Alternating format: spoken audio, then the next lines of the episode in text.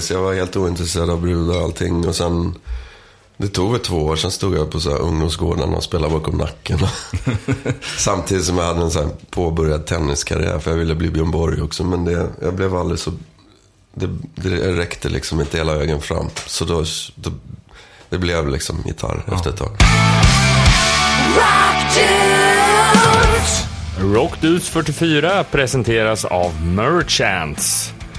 Välkommen till ett nytt avsnitt av podcasten Rockdudes som den här gången gästas av Conny Blom. Han började sin professionella karriär redan som 16-17-åring i bandet Neon Roses. Det blev ett otroligt intressant samtal med Conny. Han har ju varit en stilbildande musiker och låtskrivare i över 30 år. Trots att hans musik inte alltid tajmat med samtiden så har han åstadkommit mycket rent musikaliskt. Allt ifrån Road Rats på 80-talet till hela resan med Electric Boys och sin solokarriär på 90-talet. Eller vad sägs om Hanoi Rocks på 2000-talet och nu tillbaka med sin solokarriär och Electric Boys på 2010-talet. Det behöver inte presenteras mer än så, så jag tycker vi går över till intervjun med Conny Blom. Välkommen till Rockdudes och idag så har vi med oss Conny Blom i stugan här. Eh, välkommen! Tack så mycket. Tjena, tjena. Hur står det till? Ja, förkyld som alla andra. Annars är det väl ganska bra tycker Det är jag. någon grej som går runt där. Jag har någon whiskyröst från igår också tydligen.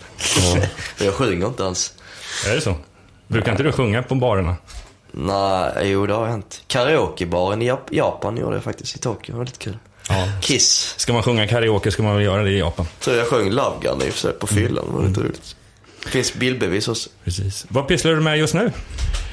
Jag har, eh, just nu har jag eh, mest in i en skrivarfas kan man väl säga.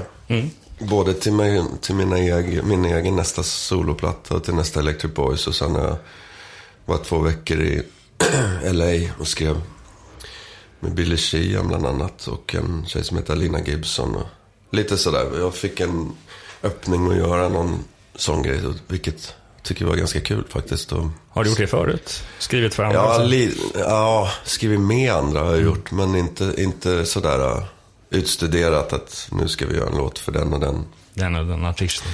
Men jag har ju rätt mycket musik i huvudet som inte, som inte liksom passar in i det jag själv gör. Så att, plus att det, det är ganska kul att uh, både spela och skriva med andra. Bara för, Ja, att man, ja, för att man påverkas av det liksom. Man kan komma på vad man inte vill göra, men kanske också få en massa idéer om Precis. hur man skulle kunna göra. Som För det måste ju vara, vara olika, jag menar, för vad jag har förstått så skriver ju du, är det du som skriver det mesta med musiken till de banden du har, har spelat i som Electric Boys och ditt solo såklart.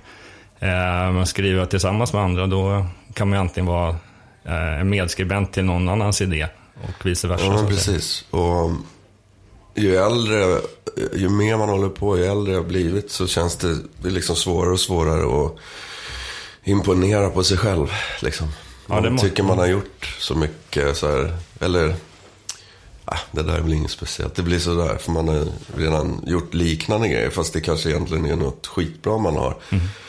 Och då är det ju bra att ha något bollplank där så kanske kan plocka upp just den idén. Var kommer de här låtarna ut någonstans tror du? Bon Jovi eller Aerosmith? de blev skrivet.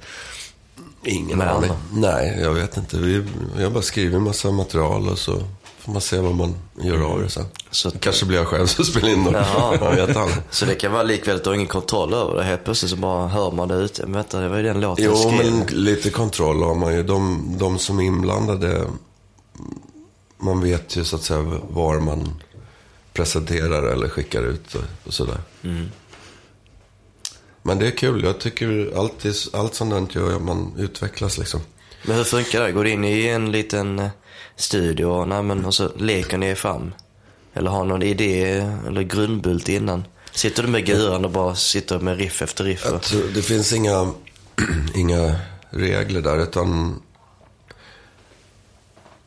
Eh, Ja, det finns inte ens regler när jag skriver själv. Ibland, ibland man, sitter man ju så här och tänker, ja, nu ska jag försöka skriva en låt. Men för mig funkar inte det så bra egentligen. De bästa låtarna, de som folk har snackat om, år, åratal senare om man säger så här. Man, man kollar med facit i hand. Det är sådana som kommer ganska på en gång.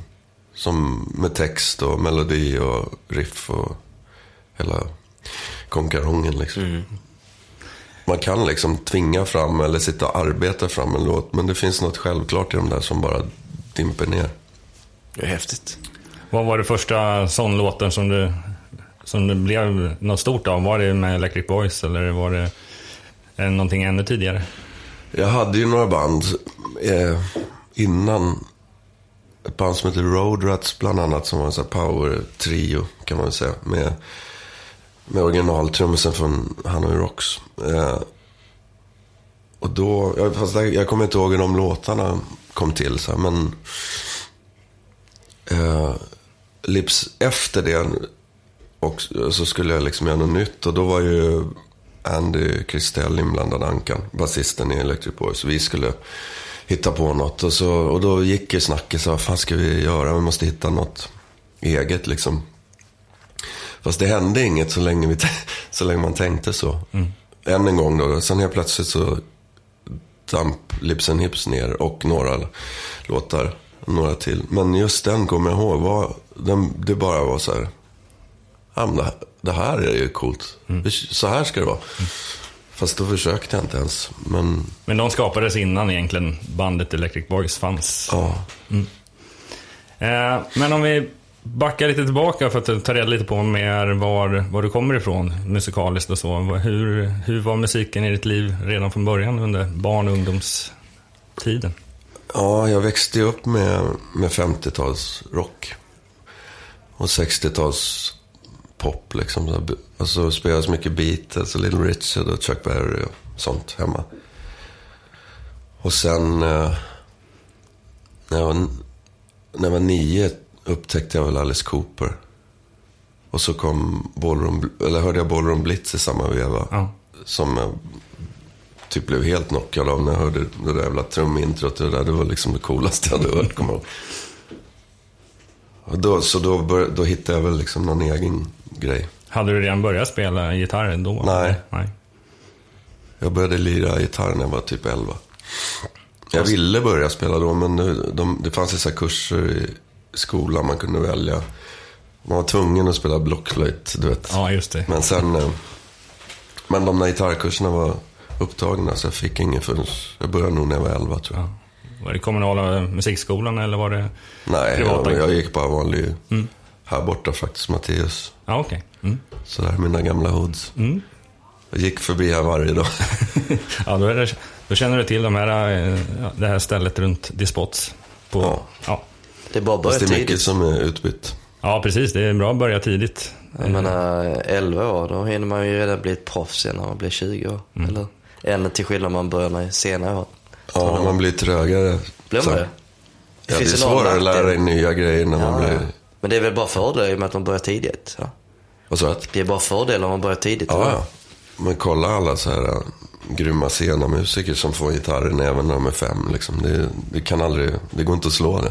Jag sitter och kollar så här YouTube-klipp, trummisar som är typ 5-6 bast och bara jävlar vilken talang. Ja. Fattar när de blir typ 15 år, hur mycket bättre de blir då. Det är helt galet. Ja, man har ju läst sådana här böcker om ren, eh, generellt sett inlärningskurvan är jättebrant upp till 12-13 år. Sen så börjar den ju dala. Efter Är det efter tolv redan? Ja, 12-13. Men den, den viker väl inte av. Jag hade utan- ett år på mig där. Du satte allt på ett år. Ja, Ja, men det därför men det var nästan så faktiskt. Jag var helt ointresserad av brudar och allting. Och sen, det tog väl två år, sen stod jag på så här ungdomsgården och spelade bakom nacken. Samtidigt som jag hade en så här påbörjad tenniskarriär, för jag ville bli Björn Borg också. Men det, jag blev aldrig så... Det, det räckte liksom inte hela vägen fram. Så då, då det blev liksom gitarr efter ett tag. Det känns som att du var väldigt målmedveten redan från början. Och redan två år senare efter du började spela gitarr med och Ja, men det var bara för att jag spelade så mycket liksom. Gör man det blir man ju bra, vad det än är. Så, alltså, jag hade, det var inte så här, åh jag ska bli rockstjärna för att fixa brudar eller något så här klyscha som många säger. Men nej, jag ville bara spela, jag, jag bara fastnade i det. Satt hemma och lyssnade på skivor och Och satsade vi med vinyl eller kassetter och spola och flytta nålen. Precis. Så det handlar mycket om att planka låtar. Hela tiden. Ja. Och lära sig liksom, hur fan gjorde han det här? Ja, då fanns det, idag kan man ju kolla så mycket på YouTube och sånt där. Få hjälp Mm. med hur, hur de spelar vissa stycken och låtar och sådär. Liksom. Jo, sen när jag började, började ta lektioner, den, det var ju, då spelade jag klassiskt. Alltså akustisk gitarr och lärde mig. Men, så jag, alltså allt som är rock har jag ju lärt mig själv. Liksom, Av andra som har spelat det. Och sen sa jag till honom, jag ville lära mig någon status quo-låt eller någonting. Men han, han tog ju ut i och för sig och visade mig det liksom. Han var ju proffsig, men han hade, hade aldrig någonsin spelat något liknande. Fast han kunde sitta och spela Bach-fugor liksom. Ja. Men har du haft mycket nytta av själva skolan också? Ja, det har man ju. För att jag lärde mig spela med fingrarna och sånt. Som jag sen... Rory Gallagher var ju en gitarrist som blev en av mina hjältar. Han spelade så här ragtime blues där man spelar med fingrarna. Då hade jag ju det med mig liksom. Så att jag kunde anamma den grejen. Började du spela band eh, kort efter det här eller när kom det in i bilden? Ja, det var typ 13. På den här skolgården? Eller Ja, ungdomsgårdar fanns det ungdomsgården menar. Mm. Spelade på samma ställen som Yngve Ja, okej. Malmsten spelade på. Det är ju lite coolt i och för sig. Fick träffa honom någon gång? Nej. Ja, för jag jobbade tre månader. Så, eller jobba, men man, man fick någon sån så här, tre månaders provanställning kallades för. Jag tog in så här skolungdomar typ på Soundside musik hette det på Götgatan. Då brukar han hänga där. Kom, var inne och styla och Var duktig spela redan av strängar. var han ja, grym han var, ju, redan då? han var ju grym. Det gick lika fort då. Undrar om han började ännu tidigare än dig. Jo, men det gjorde han. Han, han började spela när han var sju tror jag. Sex eller sju. Tänk om du börjar eh, samtidigt som Ja, då hade jag fan varit snabbare än honom. Så battle-duell med jäveln kört på ungdomsgården. Ja, sånt är det alldeles för lite av idag tycker jag. Så Lite battles mellan... Det är jävligt vanligt inom hiphopen, men kanske inte inom... Eh, Nej, det är väl lite så. Inte den kulturen. Men apropå battle så hamnade jag i en sån situation med Yngve faktiskt en gång. Vi, blev, vi fick på den tiden jättebra gage för att ta med våra tjejer respektive ja, fruar och eller vad det var. Men till eh, Malmö. Det skulle vara en sån här Henriks tribute-grej på KB tror jag. Och så skulle han och jag vara med. Klas Yngström skulle vara med tror jag. Burken från Rockfolk skulle vara med. Jag vet inte. Jag, jag tror inte han var med, men det var snack om det. Men... I alla fall, och sen spelade vi våra egna grejer, sen skulle vi jamma. Kom någon på. Men jag märkte ju så ganska fort att det gick liksom inte att jamma så bra på något vis. Det var, var bara show. Så att eh, då gick jag bort till trummisen och sa flytta på det. Så tog han stockar och satt och spelade trummor istället. Sen spola fram till för ett par år sedan när jag sitter på tåget så sitter jag och pratar med en mycket trevlig herre. Skåning för övrigt. Och uh, det är Pontus Snibbs pappa. Jaha. Oj, jaha. Som är trummis i national, från Nationalteatern. Och så säger han, du, kom, kommer du ihåg den där gången när du skickade av mig av scen? jag bara, Fuck. Jag hade ingen Det aning är om inte det alla som har skickat av Nej, Nationalteaterns ja, han är så jävla snäll. Jag känner mig nästan riktigt taskig faktiskt. Men jag, det var enda sättet jag kunde rädda min situation. Jag stod på scen som en jävla idiot. Jag, jag tänkte, jag måste göra något annat. Det, blir, det blir ju ingen jam. Nej. Han kommer liksom Det var för sol, bara stå och sola och kasta plektrum. Ja, men köra sin grej liksom. Ja, exakt. Så jag tänkte, vad fan ska jag göra här? Så spela lite trum istället. Så du kan lägga trummor också då? Hyfsat. ja, jo, lite. Ja, kära lyssnare. Då avbryter vi programmet lite med ett ord från våran sponsor som den här gången är Merchants. Merchants är ett merchandisebolag som jobbar med flera stora svenska rockband som Europe, Backyard Babies, Hardcore Superstar, Entombed och Mustache för att nämna några. De beskriver sig själva som Merchants är en helhetsleverantör av produkter och tjänster inom merchandisebranschen. Vi erbjuder inte bara det mesta och det bästa i produktväg, utan även distribution och logistik. Du finner all information via hemsidan merchants.se. Nu tillbaka till intervjun med Conny Blom. Om vi går framåt lite då. ehm, För att om jag, när jag läst på lite så var ju, eh, var ju du också med och spelade i bandet Neon Rose redan som 17-åring. Hur kom, hur kom det sig? Eller hur, hur blev Ja, det men jag spelade med, no med något av de här uh, ungdomsgårdsgrejset på, i Vasaparken på någon, någon liten rockfestival på något vis. Och då var en av deras polare där och såg mig helt enkelt. Så. De var ute efter en ny gitarrist Ja. så att säga. Mm. Hur var det Jag tror då? jag var 16 till och med faktiskt. Jo, det var ju skitkul och då var ju, jag var ju så ung och hade liksom inte så mycket erfarenhet så jag fick ut mycket av det. Jag brukar säga att Pierre Mengarelli var lite så här rockfarsa till mig. Jag behöver inte spela så mycket, ta det lugnt. Och, ja, men liksom att ja, man fattar det där. Spela i bandsituationen och Ja, lyssna på vad alla gör. Lite sånt tror jag att jag lärde mig ganska mycket av då. Handlar mer Det är ju så generalfel. Alla unga sitter hemma på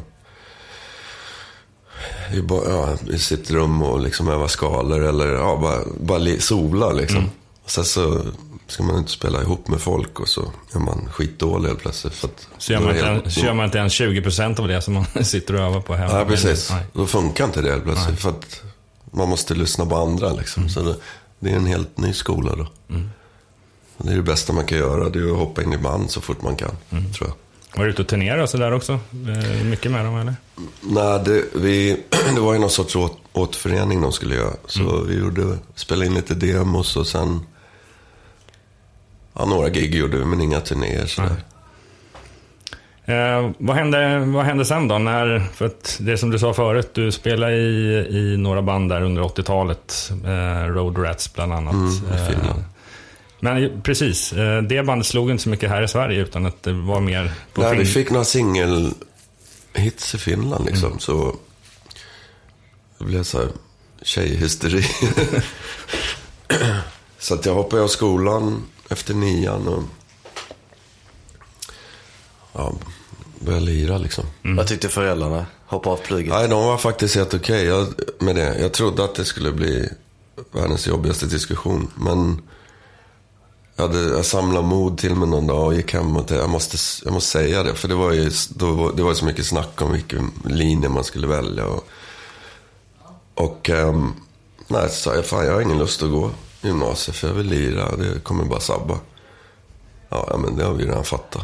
Så- Ja, de måste ha sett det i några år Ja, innan. jo, men liksom. så det var liksom ingen snack. Så det var ju jätteskönt. Så jag, jag har aldrig egentligen behövt rebella mot mina föräldrar. Jag har nog rebellat mot andra grejer sen snackar man har blivit sned på. Men mot dem, de var liksom... Jag fick köra mitt race. Ja, de hade öppet sinne för, Ja. för det som du tyckte var bäst för dig. Ja, men precis. Men eh, du spelade med dem där eh, under ett antal år. Sen gick det bandet eh, i graven någonstans där som blev något, någon ny konstellation efter det. Eh, Rolling. Rolling, ja, precis. Eh, var det bara en fortsättning på Road Rats? Eller var det Ja, det var att trummisen ville inte spela trummor längre. Utan han ville börja spela gitarr och så... Ja, jag vet. Jag kommer inte ihåg hur snacket gick. Men jag tyckte inte det var lika bra hur som helst. Men Road Rats tyckte jag var bra. Och vi gjorde ju det, gjorde en cover på Smoking in the Boys Room. Den här gamla Brownsville Station-låten. Mm. Och åkte på turné som förband då till Hanoi Rocks i Finland. Och då trummisen där, Russell, tog med sig den hem och spelade den för Vince Neil. Som i Mötley Crüe som tyckte att fan vilken cool låt. Så presenterade han den för de andra. Så det var, enligt Russell så var det anledningen till att de gjorde en cover på den. Så, ja, konstiga vägar tar det ibland. Ja, precis. Det är tillfälligheter. Ja. Men till slut sen någon gång på eh, senare delen av 80-talet så eh, var det dags då för Electric Boys att skapas. Eh, men det, är också, det känns som att det hela tiden är en fortsättning och en utveckling av det du har jobbat med innan så att säga. Eh, för det ändå, eh, fanns ju ändå gemensamma nämnare i alla banden på något sätt. Ja. Ja, men så är det väl liksom. Med, ända fram till nu och fram, i framtiden också. Det, allt leder ju till något. Precis. Men ehm, som du också berättade så, ehm, så har ni redan börjat skriva en del musik innan ni själv skapar bandet. Ehm, Men det dröjde ändå ett tag innan ni släppte själva första plattan. Eh, Ja, det var, det var mest för att inte hitta folk. Nej. Och så spelade vi in den här Lips and Hips som en, som en singel fast med trummaskin. Och jag vet inte fan, då, vi trodde att det skulle hjälpa oss. Att den kanske skulle få lite spelningar på radio och sånt. Och, och vi var faktiskt med på tv. Och eh, ja, att det skulle kunna hjälpa oss att hitta de andra i bandet liksom. Men sen när vi väl hittat två snubbar till så visade det sig att de hade inte ens hört talas om oss. Så det spelar ingen roll. Så, men, eh, nej, så det var, egent- det var bara därför. Kan man säga att det var ditt band om man jämför de andra som du haft att inhoppa så här, Ditt riktiga band. Electric Boys. Förutom Neon Rose så har jag, var jag väl liksom, jag har ju varit låtskrivaren i huvudsak i alla band. Eller ja, av, av de här som jag pratat om hittills. Men sen har jag ju, var jag med i Hanoi Rocks. Vi kommer väl dit. Men jag menar, då var jag ju bara, då var jag en av låtskrivarna. Och sådär. Precis. Ehm, Men ni skapar ju egentligen, eh, alltså, det som pratades om, det kommer jag till och med ihåg själv ifrån början på 90-talet framförallt, när ni slog igenom med första plattan. Eh, Det här funk metal, eh, funkrockiga eh, soundet som jag nog bara hade hört mer eller mindre också med Dan Reed bland annat. Eh, Men det blev ganska slagkraftigt även här i Sverige. Eh, Och även sl- slog en del ut, eller framförallt så slog ni väl mer utomlands om jag har förstått det rätt. Kan du berätta lite om det? Ja, det blev ju någon liten sån här effekt. Men... eh, eh, alltså... Det är ganska roligt, för jag tycker inte vi är metal för fem jävla öre. Men Det känns som kanske var mer en mediagrej kanske som hittade Ja, det. nej, men vi kallade ju plattan Funk och Metal Carpet Ride. Så det var ju så här påhittat, lite spaceat koncept liksom. För, som skulle beskriva vad vi gjorde. För att liksom vara övertydliga med att vi inte var som alla andra svenska band som vi tyckte var jävligt tråkiga. Och Alla sjöng på svenska och var jävligt poppiga. Liksom. Så vi, vi, hade, vi trodde inte ens vi skulle slå i Sverige. Utan vi hade ju som plan att vi, vi måste spela in den här så snabbt dra till staterna. Vilket vi gjorde också. Men, men sen fick ju plattan jättebra fart och fyra och femmor överallt. Så det var så här timing att folk antagligen behövde något nytt just då. Precis, det var ju ändå efter eh, med hela svängen vad som hände just i den, under Ja. den tiden också. Men, Och så, jag menar, det var ju en kombination av massa grejer. Så att man tog in det i någon sorts modern produktion. Jag satt hemma och lyssnade på Prince och massa sådana grejer. Fast man kommer från liksom Deep Purple och Hendrix och allt det där. Och så, och så lyssnar mycket på de här fan gamla Sly and the Family Stone, Betty Davis, Undisputed Truth och sånt. Så det var liksom en mix av allting. Men, men själva funkrock-prylen är ju ingen ny alls egentligen. Jag menar, det har Nej. ju alla de här, ja men Zeppelin, Purple, Pat Travers, alla möjliga band har ju, har ju gjort det li- liksom. Ja. På 70-talet. Funkiga rocklåtar, det är ju inget nytt. Men vi, vi gjorde en grej av det, så det liksom alla bara, ja ah, det, här är- det här är nytt. Så. ja, men, men det var väl för att ni petade in det där metal-ordet mitt, mitt i albumets namn. Jo, precis. Och sen, jag menar som det här med sitar, introt på Lips and Hips, det var inte, det är heller inget nytt. Jag snodde ju bara det från George Harrison, men, men att sätta det ihop med ett riff som Lips and Hips, alltså med ett liksom hårdrock-riff, i en typ funky låt, det var ju nytt. Så det var, så, ja men det är väl liksom att man bara blandar ihop saker och förhoppningsvis kommer det ut något som låter lite fräscht. Ja, precis. Men det är ju vad alla har gjort i alla tider egentligen. En ny genre, funk metal. Ja. Ja, det blev ju det. Det är lite Det har ju använts i, man har ju läst många gånger funk metal band. Så här, men det Ja, fanns ju inte innan vi kom med den plattan. Nej, ni är nog det enda bandet som skapar en helt ny genre. Imponerande. Fast den inte var ny. Nej, nej, men det ett svenskt band, tänker jag. ja, jo det var det. Absolut. Men ni stack du säger att ni stack iväg till USA, trots att, eller ja, inte trots, men, men även då att eh, skivan gick bra här hemma. Men, eh, eh, men ni jobbar på med den borta i USA också. Hur gick det där? Ja, vi fick, det var just den där låten Lips and Hips som fick så respons liksom. När de, de började skicka ut den till förlag och så var det oh, it's a hit. Alla var sådär. Mm. Och då, nej, sen åkte vi för att, för att fixa en manager. Det var det som var huvudmålet, vilket vi gjorde då. Och sen, så kommer jag inte ihåg mer. sen, sen är det bara svart. Hur är det att turnera i USA då? Back in the old days? ja, precis. Det gjorde vi. Ja, men hur är det? Alltså hur? Um, nej, det var ju skitkul, men jag vet, jag vet, nu är det nog inte så kul. Nej. Men det var kul då, för då fanns det så mycket pengar i omlopp. Alla, hela branschen var ju full med pengar. Bara massa fester och stå på scen och ha kul. Ja, det är- Spela, lira. Management. Ja, i sig, rockmyten har ju byggts upp under många, många år, men den hade ju någon peak någonstans där 80 och början på 90-talet någonstans. Innan det började bli ett sjunkande skepp, pengamässigt i alla fall. Ja, men så första... Ja, när vi, kom, när vi hade kommit dit och signat med vår den här managern då, så, så sa hon, ah, men det är lika bra ni får se, komma in i branschen direkt. Så, här. Så vi ska på ett sånt här schmooze party som hon kallar det. Man ska gå omkring och smöra för folk och vi bara, haha, vad fan är det då? Och så fick vi åka upp i Beverly Hills någonstans och så var det någon sån här advokat där typ som hade någon stor fest. Den första jag ser när jag kommer in i Bob Dylan som sitter i en soffa där med solbrillor på. och vilka var mer? Steve Perry från Journey var där. Och, ja, Snackar du med folket Så. då? Någonting? Man snackar med folk. Ja, med Dylan bland annat. Ja, det, han är inte någon man bara går fram och snackar med. Du har ju management. Ja, Han kan ju fixa det åt dig. ja. Men däremot så snackade jag med en tjej som kom fram och bara Oh guys, I really love your album. Och bara, aha, well it's not even out yet. Just det, så var det i LA. Ja, det är lite häftigt det Ja. Fan, skivan är redan ute. Jaha. Finns det bootleg någonstans? Bootleg var ju vanligt förekommande back in old days faktiskt. Ja, ja, absolut. Boot allting. Ja men det var ju rätt kul för då såg man så här LA, då, då har man möjlighet att springa på Bob Dylan samtidigt som man fattar på en gång allt bullshit liksom. Ja, hur, hur plastigt allting är. De. Ja.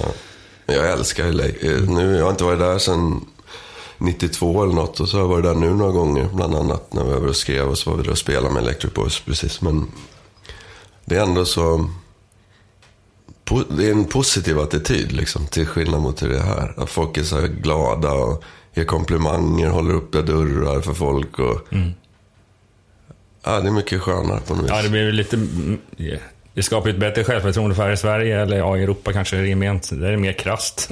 Antingen så, Ja. så kan man komma fram och igen... eh, Sverige, Sverige har blivit kallt. Ja, Och stänger alla dörrar, det är kallt. eh, Ja, Bättre ja, men det har det faktiskt. Jag hade den diskussionen med Niklas, vår trummis som bor i LA. Liksom, när jag skulle flytta hem. Nej, jag vill inte flytta hem. Så varför då? då? Så började vi prata om det där.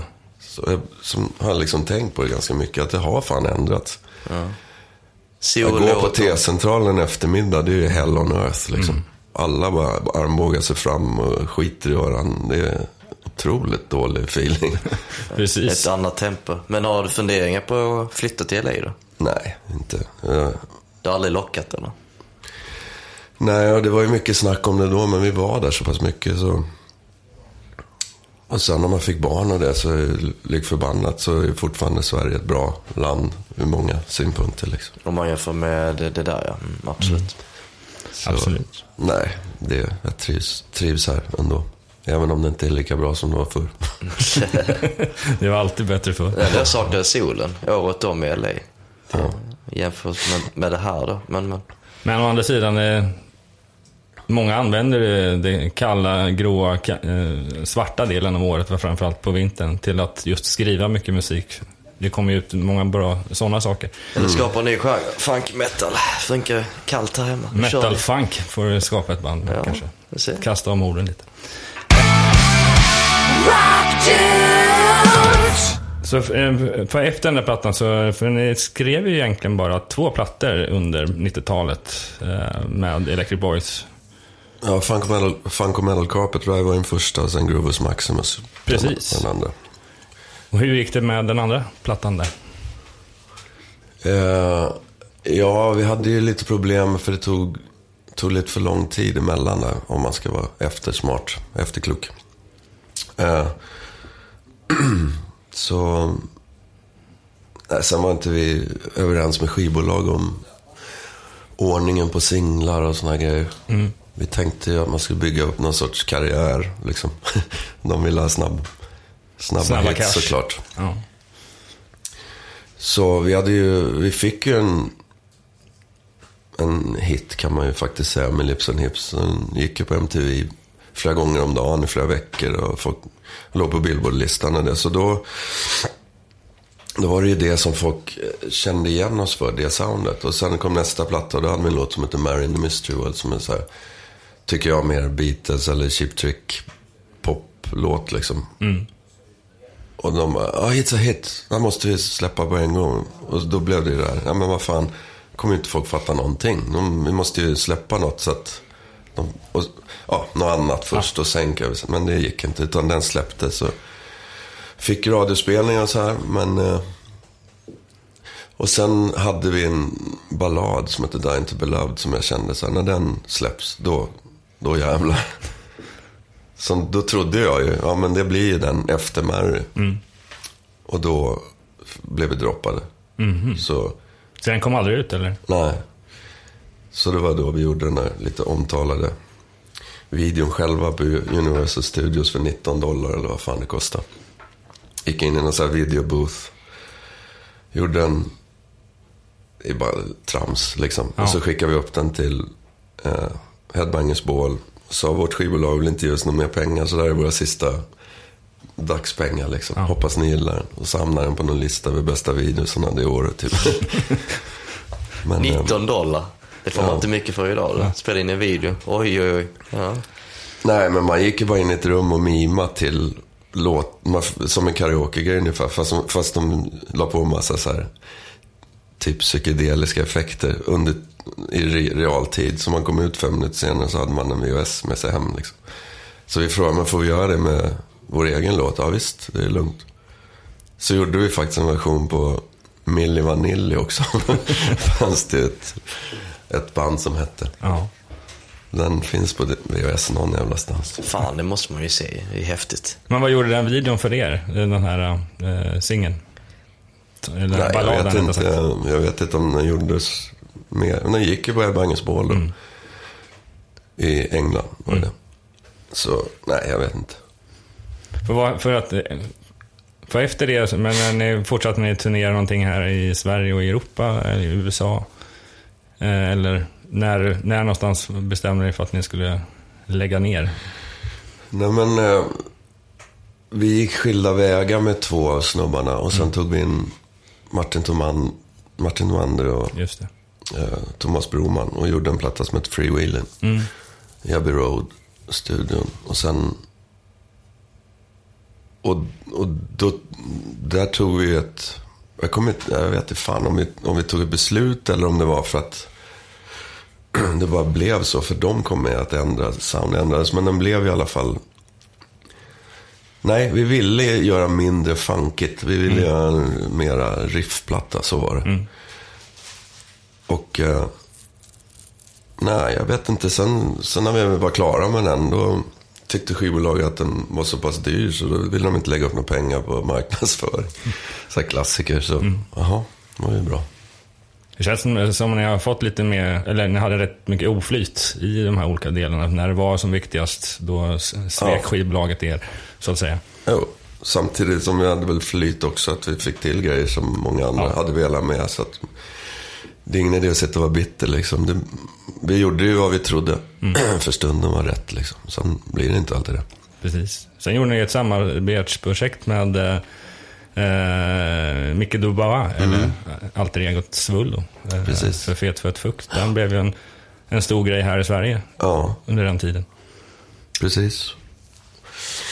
Och det var ju, han ville ju, han kontaktade oss för han gillar vårt stuk och så ville han göra någon singel faktiskt. Och vi hade ju sett honom som Captain Freak på Alexandra och bara undrade vad fan är det för dåre? och han var ju liksom Jackass innan Jackass fanns. Ja. Och nej, sen hade jag ett riff som jag tyckte var lite för töntigt. Så, eller för struttigt liksom för Electric Boys. Så ja, det kan han få. Och så gjorde, skrev han och jag ihop den där låten jävligt snabbt. Mm. Spela in den lika snabbt. Eh, åkte tillbaks till staten och fortsatte oj, turnera. Och, och sen började det ramla in fax där helt plötsligt att den låg etta på både trackslistan och Svensktoppen. Fast Kent Kvinnell vägrar säga hela titeln, så så för fet. Precis. Gick inte för sig att säga några svordomar i radio. Men, eh, nej, men det är ganska lustigt hur sådana där grejer som faktiskt bara är kul och lätt, går fort och så här. Precis. Blir- Ja, den spelar sig i princip överallt hela tiden. Men det, men det är en låt som eh, ständigt är aktuell. Till och med folk eh, sjunger den på fyllan än idag. Ja, precis. Även om inte Ja, den uttrycks är som en bra låt. och den är rolig. Alltså jag, jag blir fortfarande så här full full. Nostalgisk och sådär. Fan, jag var med och skapade den här låten. Det är ändå häftigt gjort. Precis. Eh, men sen när ni väl la ner, eh, eller ja, pausade bandet eller vad nu vill kalla det för. La ner. Eh, La ner. Varför Eh, la ni ner då? Nej men det var, det, var, det var väl att, att det kändes som att luften gick ur. Man har, först att vi bytte folk, medlemmar och så, sen blev det ju en ny tennis såklart. Men, och plattan tycker jag blev skitbra. Men så om det inte görs någon reklam för det och allting så då blev det väl liksom, nej nu orkar jag inte hålla på och harva längre. Jag som låtskrivare kommer ihåg, jag kände, nej jag har ingen inspiration att göra en till platta. Och då är det ingen, finns det ingen anledning att hålla på och harva. Så vad gick du över och pysslade med efter det? Du gick väl över och blev solo då om jag har förstått det rätt? Ja, vad var nästa? Ja, det måste väl ha varit. Conan Blooms Titanic Truth. Ja, det var ju det emellan, precis. Och det var, och det var ju väldigt så här, in, vi var bara, då var jag bara sned på alla. Så vi satte bara upp det bandet och skrev musik ihop och bara, jag brukar säga längst, att det är det längsta jam jag varit med om. Jag på i två, kanske två år eller något. Ja. Och så, det blev ju en platta också, men det var ju samma sak där. Den bara släpptes och så var det inget mer med det. Och så splittrade vi. Vi släppte den, gjorde kanske tre gig och sen la vi ner. ja. Sen dröjde Men det. den var, det var ju liksom inget kommersiellt tänk eller någonting. Utan det var bara någon sorts terapi. Ja, precis. Jag tänkte ju säga att det bara var... fuck em, nu spelar vi bara för att det är kul. För oss själva liksom. Hitta tillbaka till glädjen. Ja. Precis. Eh, Men det finns bra grejer på den här. Jag ska försöka få, få till den så den kommer upp på Spotify vad det lider, har jag tänkt. Mm. Med några bonusspår och sånt. Och sen i slutet på 90-talet så släppte du ytterligare en soloplatta som heter Psychonaut. Mm. Eh, var det samma sak där? Eh, sp- spela in, släppa den? Eller hände någonting mer? Var, var det Nej, men då var det annat bolag och sen... Nej, den gick, den gick ganska... Den gick nog ganska bra för att vara en sån typ av platta. Mm. I, I det klimatet som var då. Precis, så, för då så var det ändå... den ganska okej, vill jag minnas.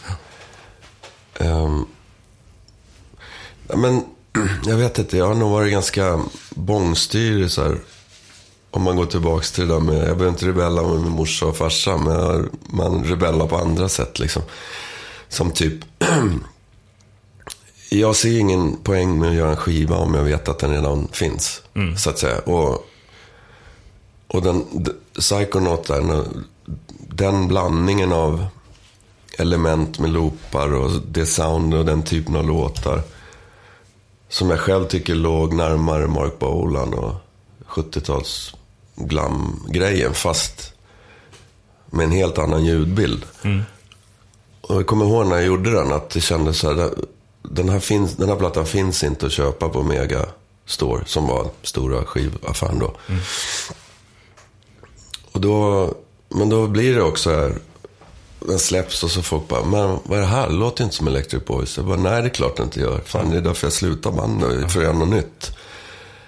Och, och det var samma med den där freewheelen också. Att folk inte säger, ja men det här låter inte som det lät förut. Nej. Men, Men sen har jag fått ju många senare som har fa- faktiskt har märkt att vi har vi fick ganska mycket nya fans med Electric Boys som tycker att den är liksom den bästa. Som gillar det här mer 70-tals riff. Det var till och med någon som sa, fan det där är ju stoner-rock innan stoner-rocken hade blivit stor typ. Och så den här Psychonaut också som, som känns som att många efterhand så här, fan den var ju, var ju skitbra skiva, varför händer inget med den? Ja, Ja, ja, det kanske hade hänt om jag släppte den idag. Precis. Ja, vissa saker är ju mycket svårare. Det känns som att jag liksom ligger lite off hela tiden istället för att man bara hamnar så här. Förutom med första liksom. Men det måste å andra sidan vara fantastiskt kul, och, även om det blir många år senare, att träffa på folk som har relaterat mycket till de här plattorna. Jo, det är, det är skitkul och när folk har inspirerats och sånt. Det tycker jag det är bästa komplimangen man kan få. Och sen är det ju... Jag hade den här diskussionen med Ronny Åström, en polare till mig. En grym gitarrist och sångare. Ja, just om så här... Att man, att man i slutändan faktiskt... Alla gör inte det, men, men han och jag konstaterar att vi faktiskt spelar för oss själva. Alltså, Viktigast att ni själva är nöjda. Ja, eller? men må, alltså man, man kan ju spela av många anledningar och säkert finns det väl någon sån här eh, bekräftelsebehov i, eller något i alla som väljer att göra någonting artistiskt. Om man ska så här, måla eller hålla på med musik så är det väl någonting som man vill ha något sorts behov av att förmedla. Liksom. Och det är ju inget kul att göra det om ingen får se det. Sätta sig och måla och låsa in tavlorna. Det, alltså, så det är klart, jag menar, det, det spelar ju roll att få ut det. Men, men just där om man har gjort en spelning och så, och så kommer det in liksom, så har 800 pers stått och bara jublat och tycker att det är bästa de har sett. Om man själv känner, äh, det var inget bra. Då går det inte att övertala. Nej. Det spelar ingen roll om alla de där kommer in och dunkar ner ringen och säger fy fan vad det här betydde för mig. Så jag blir bara förbannad. Ja. Eller jag blev det förr. Nu har jag lärt mig så här, okej, men det är deras verklighet. Min verklighet är annorlunda och så skiter man i det. Ja. Lika väl som det kan vara tvärtom. Att man kommer scen och känner att man hade så här, att man var eh, Jimi Hendrix. Precis. Nej men typ så här, fan att- vad bra det var idag. Och så, och så bara, verkar ingen ha fattat det. Men eh, handlar det mycket om att du ställer väldigt höga krav på dig själv när det kommer till just spel? Jag antar det. Mm. Gör man ju det. Men det har lite, alltid varit så? Eller? Ja, fast jag, fast... Nej, jag vet inte. Ja, sig, om man Ja, tittar tillbaka till så ville du börja, ville väldigt mycket väldigt tidigt med vad du ville med ditt musicerande. Så att Ja, du satte väl kanske upp ribban men det är, det är liksom någon in... Någon, någon själv... Själv tillfredsställelse som är det, det första liksom. Och det, jag, jag tror det är så för alla som har gjort något eh, som är riktigt, riktigt bra. Liksom. Eller riktigt äkta och som har hållit. Men jag tror inte att... Ja, det måste komma från den vinkeln. Det får inte komma... Alltså det finns ju många band som har affischerna liksom klara och imagen och allting innan de ens har skrivit en riktigt bra låten. låt ungefär. Jag tror inte på det riktigt Nej, det är många- i längden. Då, många man, då börjar man av fel anledning. Ja, precis. Det är många som säger i branschen. Det viktigaste är att skriva en bra låt. Någonstans. Ja, som. Idol och så nu för tiden kan, ju, kan man ju få lite den känslan. Många, att, att det går ut på att man ska bli känd Ja, exakt. i första hand. Liksom. Och så får man leta. Ja, men det, med det här, jag kanske blir känd med att göra det här. Eller jag kanske blir känd med att göra det här. Eller gå med i någon dokusåpa eller så här. Men eh, jag tror det är ganska kortsiktigt. Precis. Nej, Det är skillnad om man har någonting bra och sen gör man det sånt där för att få ett fönster som man sen kan använda. Det är väl en annan Mm. ja, precis. Vad hände efter Psychonaut där då? Eh, början på 2000-talet någonstans. Då, om jag kommer ihåg saken rätt, då gjorde jag lite, lite spelningar med den. Och sen hörde Ginger av sig från Wild Hearts, ett engelskt band, The Wild Hearts. Och de, han ville sätta upp ett band som hette Silver Ginger 5. Han hade gjort en platta under det namnet, fast det var liksom tänkt som en soloplatta. Men han, han ville, ville sen att det skulle bli ett bandprojekt. Så Och så tänkte jag, ja, om det här bara är halvbra så sticker jag. För jag ville komma härifrån. Mm. Eftersom han är i London, eller i England, men det var London-baserat. Och eh, jag, sen jag tyckte jag den plattan var skitbra. Så började leva med honom och så turnerade vi i England och Japan flera gånger. Höll på med det några år. Bodde du i England då eller? Om jag bodde? Ja. Nej. Du åkte över dit när ni spelade? Ja, för att spela och skriva och repa och så. Japan, Japan sa du, var det första gången du var i Japan eller har du Ja, varit där tidigare? det var det. Det är synd att vi aldrig kom dit med Electric Boys. Vi, alltså det är inte över än, men, alltså, men när vi borde ha gjort det då. Men det var liksom ingen som tänkte på det. Nej. Vi hade management skivbolag i Europa och i Amerika och det var alltid så här tävling däremellan. Nej, nu måste de komma hit och nu ska vi släppa den singeln där, så måste de komma hit. Och, och sen när plötsligt så har det gått, vad det nu blev, fem, sex år eller någonting och ingen... Och, Ingen Va, tänkte på Japan då? Japan då? Tänkte man på Japan då? ja, det gjorde man väl för det var ju många andra som åkte dit. Men vi Big, gjorde Big in Japan. Precis. Precis.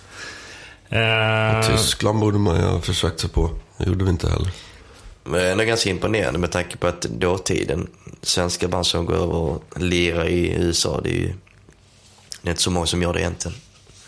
Nej, lyckas. det var inte det då. Eller framförallt bedriften har ett, eh, en amerikansk manager också lite ovanligt. Ja. Så ni har ändå gjort en hel del eh, omöjliga grejer. Om sen när man ser det här mest givna, andra band, "Nej, vi drar till Japan, nej men vi har en amerikansk Och då manager." kommer den rebell, rebellgrejen in igen när folk säger vad fan ska ni, vad, ska ni dra till Amerika? Vad tror ni? Vad, vad tror du egentligen? Jantelagen, ja. ja. Där kom den. Precis. Det är, det är väl de grejerna som är riktigt bra i USA. Att det, det där med land of opportunity. Grejen med att vara positiv och... Jo, men som rockmusiker så, så blir man ju... Alltså folk har ju respekt för folk som håller på med rock. På ett helt annat sätt. Ja, det är, det är verkligen på ett annat sätt. Jag säger inte att, att det inte finns folk som har det här, men det, är- det är på ett annat sätt. Man får liksom, ja ja, du kan hålla på med rock, men vad ska du göra när du blir stor då? Eller, alltså det finns alltid det där, men Ja, för skivbolagsmässigt här i Sverige, där är det mycket mer. Framförallt på de större bolagen. Där är det bara pop. Kommer du in med ett rock, ja, du kan väl få vara med och spela med oss, men du får vara där nere någonstans. Liksom. Ja, men Kommer Sverige, känslan. jag brukar säga det, jag såg ju stor skillnad med, vi kommer ju till det sen säkert då, men i och med att jag var med han och Roxy i fyra och ett halvt år, så bara skillnaden mellan Finland och Sverige är jättestor med folks mentalitet och musik. Kan du på något sätt beskriva det? Ja, det kan. Sverige uppvuxna med ABBA och Finland uppvuxna med, uppvuxna med Hurricanes. Det är, Ja. Och det är stor skillnad. Ja. Det är ett rockfolk, vi är, Sverige ett popland. De har ett rockarv som är på ett helt annat sätt, helt enkelt. Mm. Eller musik. Ja, de kan förlika sig med trasiga rockmänniskor och det finns en melankoli och liksom... Och fascinerande att se en snubbe som Andy McCoy som inte har druckit blåbärssaft hela livet liksom. Och, han är ju en sån otrolig eh, legend liksom i Finland. Så är man ute och går med honom på gatorna så kommer ju så här gamla tanter och farbröder fram och vill fotas, ta selfies och autografer och det. Det. Skulle det vara här så springer folk på andra sidan gatan och undrar vad är det där för typ? Ja. Det, är, det är jätteannorlunda faktiskt. Fast det bara är... Ja, man har ju ideligen hela tiden hört om eh, eh, unga svenska band som eh, ja, de spelar väl bra här hemma i Sverige, men de har lyckats bättre där borta. Men då har de lite mer att rocken tar på lite större allvar. Jag tycker det är skittråkigt för vi har verkligen bra rockmusik och rockmusiker och band här. Mm. Men det är som, som du sa, det tas liksom inte på allvar riktigt. Nej. Och Nästan Ja, så att det blir som radiostationer och så här. Det borde finnas mer utbud Ja. när det finns så mycket bra musik. Men av någon jävla anledning så, så får det inte det. det ja, jag vet inte. Får inte den... Ja, för mig är det en, faktiskt det är en ganska stor gåta. Nu får man väl alltid titta på försäljningssiffror och allt möjligt sånt där man rent, tänker rent ekonomiskt. Men tittar man på dedikering och eh, folk som verkligen följer en till ja, till döden skiljer oss åt mer eller mindre, så sker ju det bara inom rock. Det sker aldrig inom pop liksom. Eh, på, det, på samma sätt, när du inte är riktigt stor. Men rockpubliken är ju fantastisk. Ja, och det är den ju även här i Sverige, så det finns en trogen rockpublik här Oh, ja. också. Eh, Det gör det ju. Verkligen. Men det är en subkultur fortfarande att vara Ja rock. det, ja, det känns som att det finns något så här... eh, att, det, att det är media som sätter stopp för det kan jag tycka Mm. ibland. Att det inte finns tv-program där de banden får, har möjlighet att synas. Att det Mm. inte finns mer rockradiostationer. Och, Ja, men så, så jag menar, det, ju- det blir så här som en ond cirkel. Liksom. Det är klart att inte rocken är större när den inte får möjlighet att synas och höras. Liksom. Nej, det är ju till och med... Medans, jag kan ju bara se på min son till exempel, när han får höra vissa rockgrejer som han tycker är skitbra, men han, han vet inte om att det finns. Nej. För, f- om, man, om inte han får höra det via mig eller sådär. Nej. Men han diggar ju liksom techno, house och allt möjligt. Men och så häromdagen var, satt han och lyssnade på ACDC och ja, jag gillar det här liksom. Ja, det är skitbra. Det här, det här är ju grymt liksom. Mm. Men det spelas inte... Han, han får inte höra det så mycket, om Nej. man säger. Musicerar han också någonting? Nej, Nej. Han, han är en gamer. Ja. Tänk att jag visste. Man kunde. Det bara kändes som att det var rätt svar. Ah, ja, revolt. Jag skiter i vad pappa sysslar med, jag spelar tv-spel istället. En gamingbranschen är den nya rockstjärnebranschen kanske. Precis. Det är inget fel med det heller, han kanske blir gamingproffs. Nej. Men apropå här. Ja, men det är det han säger. Ja, men jag ska bli bäst på det. Då skulle du supporta honom. Ja. Precis som eh, din familj gjorde. Jo, men jag tycker, jag ser jättemycket likheter. Han, har liksom, han är som jag var, fast han gör det där och jag spelar gitarr. Det, Så jag fattar. Även om det är jobbigt när man sitter uppe till tre på nätterna. Man bara, för helvete, gå och lägg dig. Ja, fast det är som du själv skulle vara ute och gigga för och vara ute och festa. Till tre på natten. Ja, är tre på natten. eh, apropå Hanoi Rocks där, du spelade ju med dem i fyra, fem år. Eh, men där var det ju som du sa tidigare, bara medlem eller medskribent eh, till låtarna. Eh, hur upplevde du det? Att det inte var den som var, hade huvudansvaret? Men jag tyckte det var skitkul, för jag tycker att Hanoi Rocks var... Alltså det var... Jag såg ju dem på studion och sådär när de... Precis när de började. Och om man inte var där så har man nog svårt att fatta det. Jag har fortfarande massa polare som inte fattar hur bra de är eller var. Så här. Men var man där då, när de kom, så var det... Det var liksom... Alla gick därifrån och bara skakade på huvudet. Vad fan var det som hände just nu? Det var liksom sån jävla käftsmäll. Och de hade låtarv från liksom 60-tals lå- alltså musik, 50-tals rock och fanns funk, fanns allt möjligt i det. Levererat med så här finsk siso från helvetet. Så det var liksom verkligen så här något helt eget. Ja. ja, för de hade hållit upp i en massa år, för du var väl nästan med från deras reunion. Nej, det var, de, de höll på några år Ja. innan, Innan, innan, ja. mig. Tror de, de gjorde nog två plattor eller något. Okej, Tre kanske till och med till och så. med det. Men det var mest så här att tillfället dök upp och så tänkte jag, vad fan, det, det vore kul. För då hade Andy och jag snackat om sen 80-talet att det vore kul att lira ihop någon gång. Och eh, så, ja, så dök det där. Jag tänkte, det, det håller väl kanske något år, men det kommer säkert bli händelserikt år. Och så blev det längre än så. Ja. Och den här plattan var skitkul att göra. Vi skrev låtar ihop. Och, ehm, och skillnaden som du frågade om, det, alltså att vara... Jag har ju inget emot att inte vara frontman. Om jag, om jag känner att jag har en frontman som är lika bra eller, eller bättre.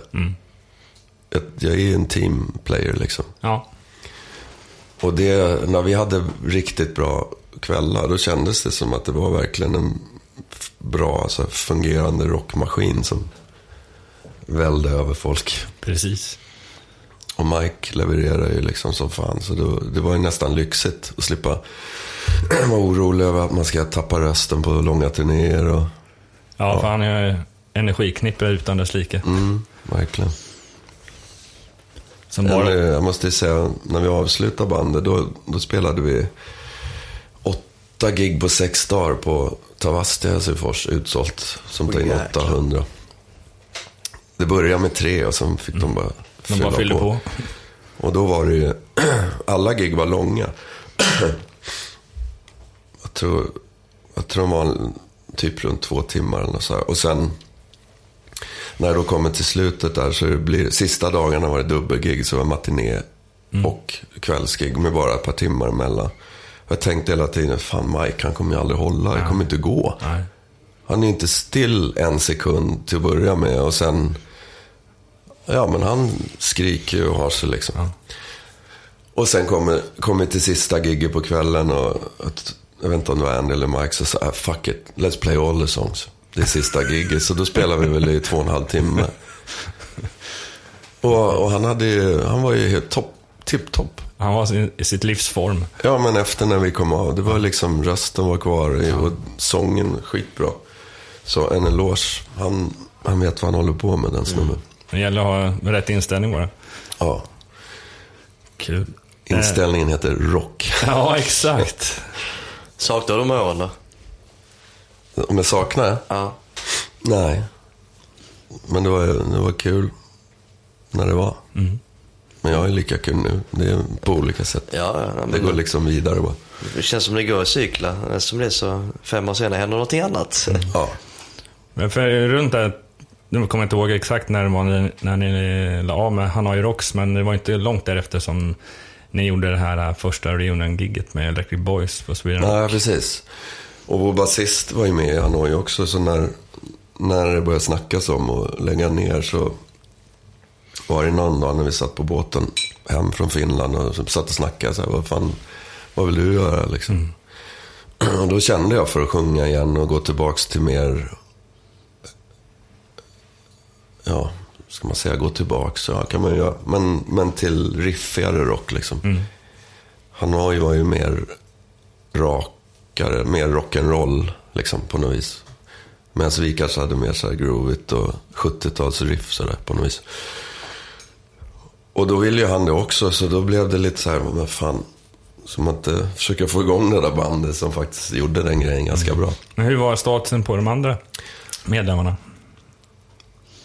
Ehm, Spelade de fortfarande? ja, nej, Niklas bodde ju i LA och spelade inte alls. Och Franco spelade väl lite, men mer på så här ho- hobbybasis tror jag. Eller gjorde han. Eh, så jag var ju, ingen av oss trodde väl egentligen att de skulle vilja vara med, men det ville de ju. så.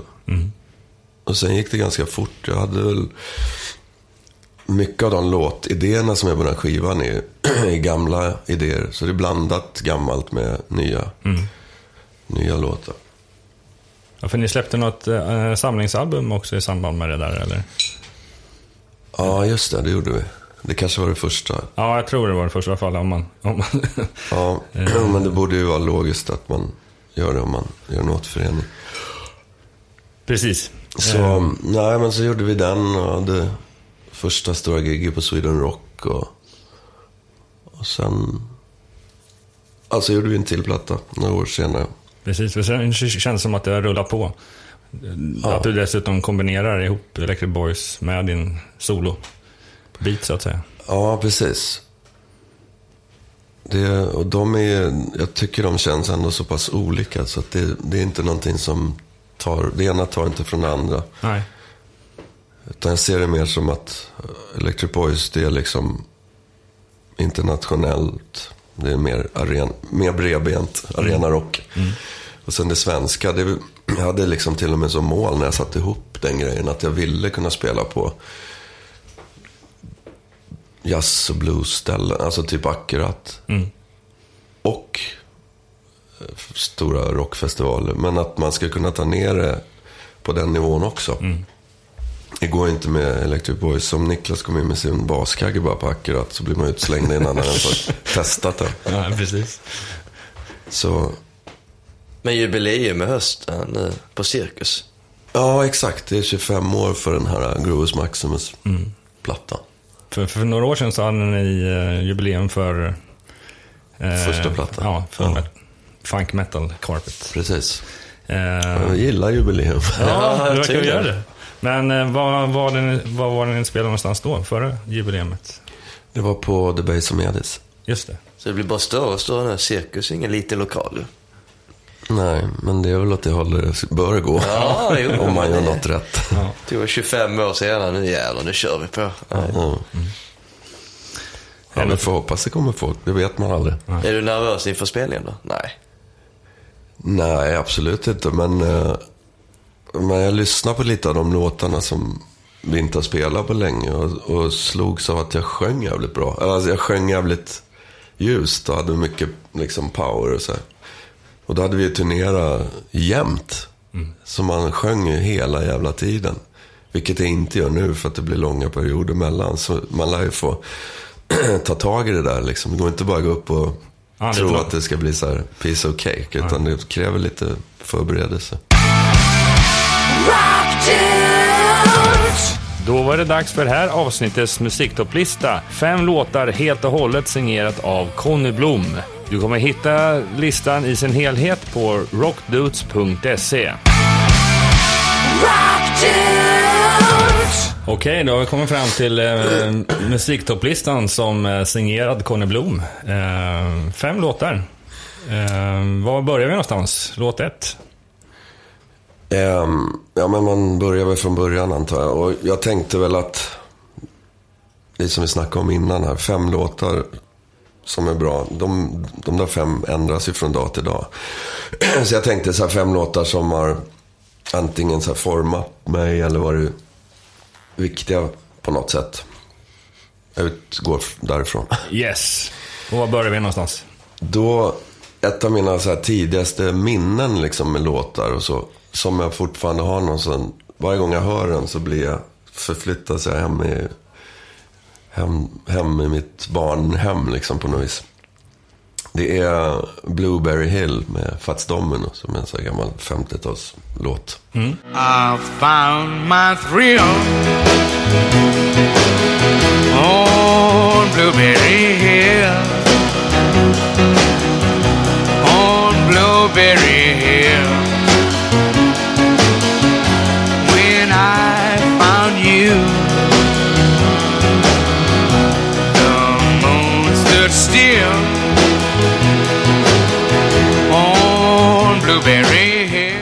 Okej. Okej. Vad har du som andra låt? Ja, det där var ju det som jag hörde hemma. Eh, och sen... Eh, jag tror att när jag hittade min egen väg sen till någonting nyare och coolare så var det när jag hörde The Sweet och Ballroom Blitz. Det var en polare i plugget som spelade upp. Man hörde det där trumintrot och så här. Som jag, jag kommer ihåg att jag blev totalt knockad. Tänkte det här är coolare än något annat jag hört. Väldigt... Eh, ja, det var väldigt nytt på den tiden. Ja, det som är intressant är att den, när man, jag har så här, typ gäst, varit så gäst-DJ på rockklubbar lite då och då. Och spelar man den idag så, så är liksom soundet, den, den låter lika bra som allt det moderna nästan. Ja, precis. Allt är bara så jävla rätt. På. She's the passionate one. Oh, yeah, it was like lightning. Everybody was frightening. And the music was soothing. And they all started grooving. And the man at the back said, everyone attack. And it turned into a ballroom blitz. And the girl in the corner said, boy, I wanna rock it. It'll turn into a ballroom blitz. Ballroom blitz. Då har vi kommit till mitten på listan. Eh, vad, vilken del av livet har vi kommit fram till nu? Då... Sen började jag ju då spela gitarr och... Eh, och när jag hängde hemma hos min morsas syrra i Solna så var det en... Hon hade två grannar där som egentligen blev nog mina största så här, förebilder där i början. Vad det gäller gitarrspel. Den ena, han kunde inte lira men han tyckte att det var jävligt häftigt med effekter och så här. Han gick och köpte en massa effektboxar på Elfa och byggde så här ljusorglar och ekoeffekter. Så att Hos honom fick man gå dit och så släckte han ner ljuset så blinkade och så var det en massa ekoeffekter och helt, helt flummigt. Och den andra snubben, han stod i alla fall ofta och lirade med fönstret öppet i sin Jag, frågade, jag fattar inte hur han fick, men man hörde han liksom när man kom från tunnelbanan. Så han stod och spelade distad elgitarr, massa riff och så här. Och, och då lirade han Sweet Jane från uh, Lou Reeds Rock'n'Roll Animal. Och så visade han mig det riffet, så det var liksom första elgitarriffet som jag lärde mig. Så den tänkte jag vi kan ta. Från Rock'n'Roll Animal.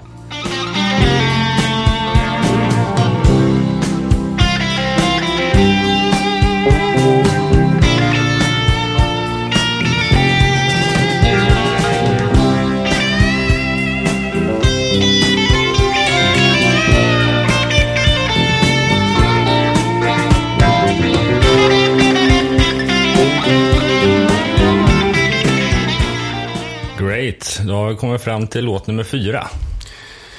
Ja, sen fastnade jag här och så när ni sa så här, ja men ni kan ju ta någon egen låt också. Då tänkte jag, då kan man ju faktiskt ta, eftersom jag pratar så mycket om liksom min karriär eller vad man ska säga, så var ju, så kanske man ska spela Lips and Hips för de som inte vet vem det är som sitter här och babblar. Det tycker jag låter som en jättebra idé. Eftersom den faktiskt, eh, det är ju den, om jag ska säga en låt av alla de låtarna som jag skrivit som förändrade mycket liksom, så var det ju den.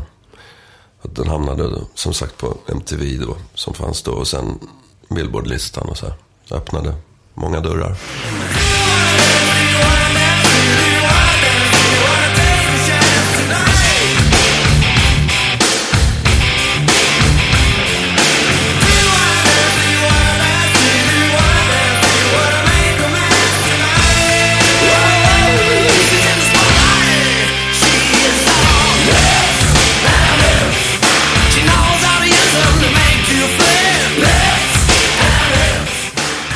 Kanon, då har vi kommit till eh, din sista låt här på listan. Nu blir det intressant. Vad ska du avsluta med?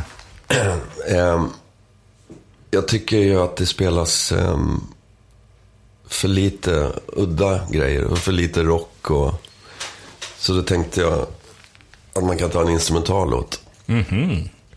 Och så tycker jag det spelas för mycket av mig själv också. Så tar jag en, en instrumental som jag själv har skrivit. Nej men faktiskt, de håller på med en film ehm, om Ronnie Pettersson Jaha. nu, som heter The Super Swede. Och som jag har skrivit en låt eh, innan dess. Jag har skrivit en, jag gjorde den för min soloplatta så att säga. Det är en låt som heter Ronnie Pettersson.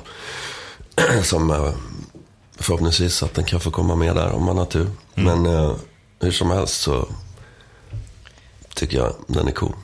Det är coolt Så den kan vi att, rocka med. ja, det coolt att avsluta med lite filmisk rockmusik, helt Det enkelt. tycker jag.